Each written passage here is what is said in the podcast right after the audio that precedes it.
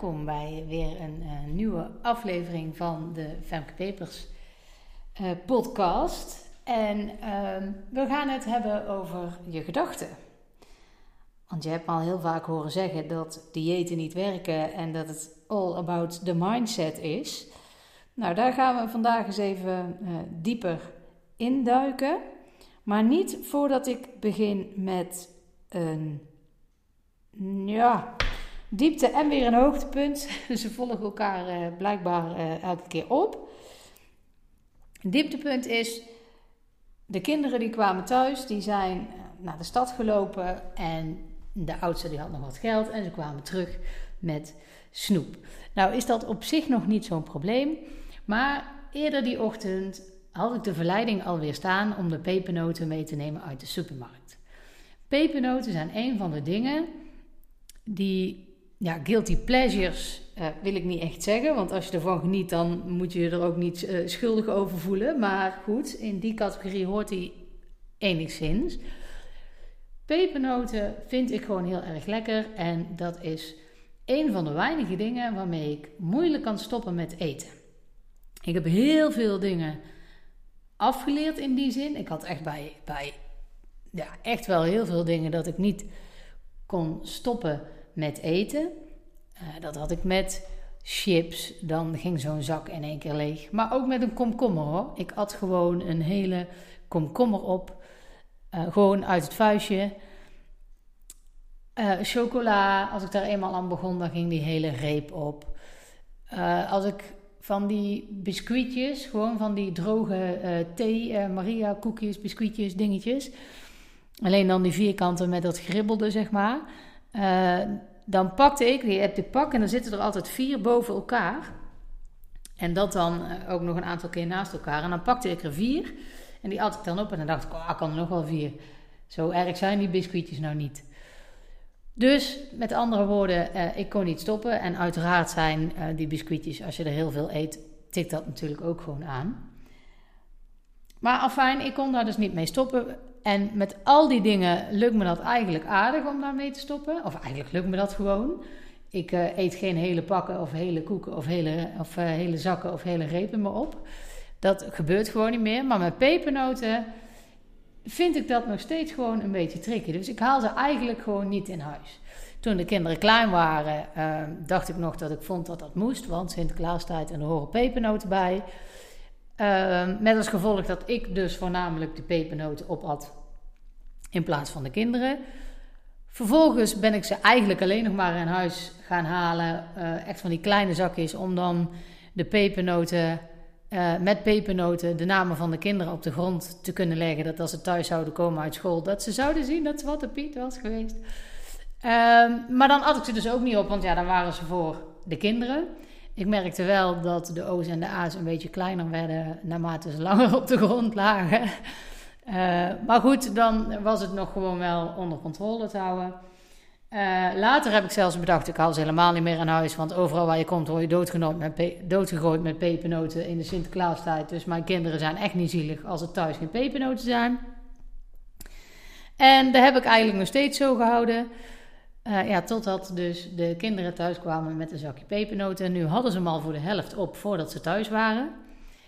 Ach ja, als je jong bent moet dat kunnen. Ik heb uiteraard wel een beetje uitgelegd dat dat nou niet helemaal de bedoeling was. En dat je er beter rustig voor kon gaan zitten. En dat je er dan lekker van kan genieten. In plaats van in de stad ze al lopend naar binnen te gaan zitten werken. Maar afijn, je raadt het al. Die andere helft van de zak. En dan was het niet zo'n hele grote zak hoor. Maar toch, die andere helft van de zak heb ik gewoon opgegeten. Ik begon met een handje. En toen dacht ik, nou ja, en toen heb ik, ze, heb ik de kinderen zelfs een bakje laten halen van we doen het in het bakje en we leggen het weg. En toen zat het in een bakje en toen heb ik het bakje gepakt. En op een gegeven moment dacht ik, nou ja, laat ik maar. Ik eet het ook maar gewoon op ook. En ook een stukje van de chocola, want er was een nieuwe reep van Milka die de kinderen hadden gekocht. Dus ook daar moest ik natuurlijk een stukje van proeven. Goed, tot zover het dieptepunt, want ik heb me dus weer laten verleiden tot een mini-eetbui. En echt alleen door die pepernoten. Dat is voor mij dus nog steeds, na al die jaren, een dingetje. Nu heb ik ondertussen, en dat is echt wel key als het daarom gaat, geaccepteerd dat uh, ik blijkbaar dus bij pepernoten die momenten nog heb. Kijk, als je nagaat dat ik met al die andere momenten dat al niet meer heb, dan is dat niet zo erg als het dan toch een keer die pepernoten in huis komen, dat je je daaraan vergrijpt. Sterker nog, ik heb dat diezelfde dag nog opgelost. Uh, en dat is dan het hoogtepunt. Het dieptepunt was dus dat ik me er toch toe heb laten verleiden, maar ik ben er niet al te lang uh, bij stil gaan staan. Ik heb met name gedacht: oké, ik geniet nu lekker van die pepernootjes. En uh, normaal gesproken pak ik in de avond, rond een uur of acht, nog wat lekkers. Nou, dat heb ik nu dus niet gedaan. En daardoor heb ik het eigenlijk gewoon al op dezelfde dag gecompenseerd. En dat is het hoogtepunt. En ondanks dat ik al jaren op deze manier werk en dit soort adviezen ook ondertussen al jaren aan mijn klanten geef, heb ik dus nog, ook nog wel eens zo'n momentje met zo'n dieptepunt. En dat dan even die oude gedachten weer de kop opsteken van, hé verdorie, waarom doe je dat nou? Maar ik merk wel dat dat dus veel korter is en me dus eigenlijk alleen nog maar overkomt met pepernoten. En voorheen had ik dus echt heel veel momenten waarbij me dat overkwam. Hè? Op verjaardagen, bij uit eten. Eigenlijk overal waar eten was. Als de kinderen een ijsje wilden in de stad, moest ik er ook één, et cetera, enzovoort. Dat is echt een heel stuk minder geworden. Ik heb dat dus alleen nog maar bij pepernoten. En ook bij pepernoten niet altijd, maar vooral als het me overvalt. En dat was nu dus het geval. De kinderen kwamen er mee thuis en ik wist dat niet. En het was ook rond een uur of vier dat je eigenlijk denkt: oh, ik begin alweer trek te krijgen in het avondeten, maar het is nog geen tijd. Dus het was en, en, en. En als je kunt beseffen, in mijn geval, ja, dat dit dus echt een incident is, nou dan ga je daar echt niet wakker van liggen. En dat is. Um, ja, dat is waar jullie gewoon ook naartoe kunnen. Ik bedoel, het, het hoeft niet zo te blijven zoals het nu is. Als je het nu nog niet onder controle hebt. Er is een tijd geweest dat ik het ook niet onder controle had. En dat hoeft dus zeker niet zo te blijven. Dat was dus mijn diepte en mijn hoogtepunt. Waar we het vandaag dus over zouden hebben, of deze keer, is over gedachten. Ik heb je net in mijn hoogte- en dieptepunt eigenlijk al uitgelegd hoe dat zo'n beetje werkt met je gedachten in je hoofd. En ik weet zeker dat velen van jullie dit zullen herkennen. Dat je jezelf helemaal de grond in kan praten op het moment dat jij toch die pepernoten opeet. En dat maakt dat het een probleem wordt, omdat je, je jezelf de grond in praat.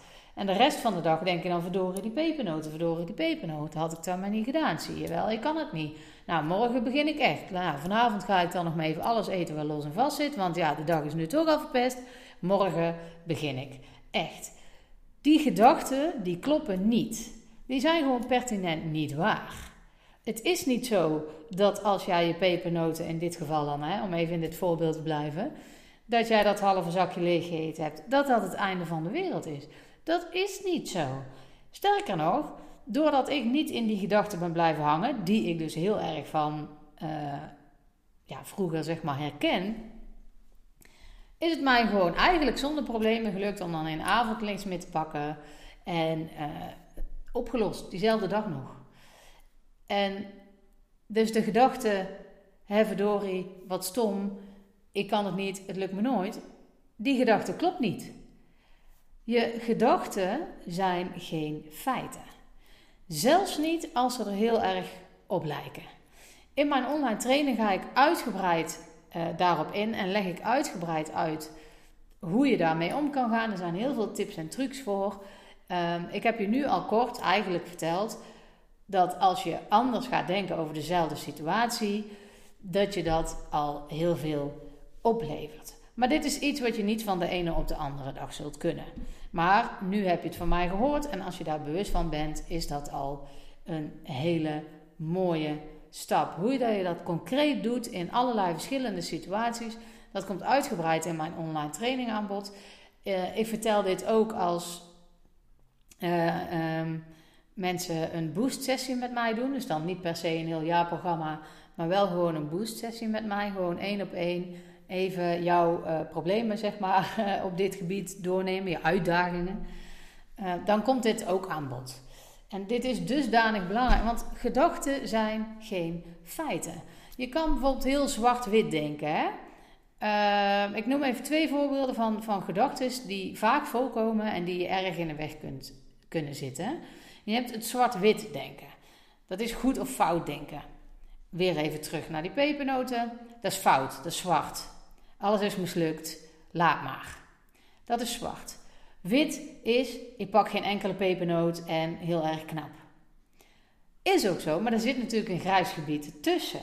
Het is niet alleen maar zwart en wit. Als ik gewoon een handje pepernoten had gepakt en het daarbij had gelaten, was het grijs geweest, maar was het prima geweest. Maar als je zwart-wit denkt, is dat niet goed. Want het is of je pakt helemaal geen pepernoten, wit. Ja, en anders is het hek van de dam, zwart. Dat soort gedachten kunnen je enorm in de weg zitten, want het is gewoon niet waar. Het is niet alleen maar zwart of alleen maar wit. Er zit een heel grijs gebied tussen. En de tweede, en dat heb ik net eigenlijk ook al uitgelegd, is het doemdenken. Je hebt dat handje gepakt en zie je wel, het lukt me toch niet. Ik kan net goed alles eten en ehm, ik zal het nooit leren. En morgen dan ben ik weer een kilo zwaarder op de weegschaal. En dan ga ik wel mijn best doen, maar dat lukt toch niet. En dan volgende week is het nog veel erger. En oh jee, volgend jaar. En dan pas ik al mijn kleren niet meer. En dan moet ik allemaal nieuwe kleren kopen in een maatje groter. En snap je? Je maakt het probleem dus veel groter. Je maakt er een heel doemscenario van. Van een handje pepernoten. En dat zijn de verschillende uh, gedachtepatronen die het meest voorkomen en die het meest dwars zitten in het, uh, ja, in het denken, in het afvalproces. Er is ook een methode die uitgaat van verschillende petten die je op kan zetten. En dus op verschillende manieren naar eenzelfde situatie kunnen kijken.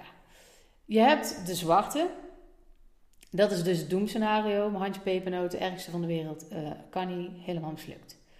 Dan uh, uh, is er ook um, de witte, dus alles gaat goed en uh, zo gaan we het ook bekijken. Je hebt de roze muts, dat je alles ja, eigenlijk door een roze bril bekijkt. Wat ook niet per se handig is, want dan denk je dus, oh handje pepernoten, ja lekker, prima, moet toch eigenlijk wel kunnen. Dat je alles maar goed praat. En dat uh, werkt natuurlijk ook niet. Dat gaat ook niet helpen. En dan heb je nog, en ik, ik moet heel even, ik moet ontzettend graven in mijn geheugen, merk ik. Maar je hebt ook nog de gele, de rode, de blauwe. De rode, uh, volgens mij is het niet zo dat je daar dan overal uh, gevaar in ziet. Maar uh, dat je wel heel alert bent. Volgens mij is de gele heel erg dat je in creativiteit denkt. Afijn, even om duidelijk te maken dat welke hoed jij op dat moment op hebt, dus eigenlijk bepaalt hoe je naar een situatie kijkt. Dus dan even in zwart en wit uh, uh, en roze blijven. Zwart is alles gaat verkeerd. Zie je wel, het stoplicht springt de brood, kan er ook nog wel bij.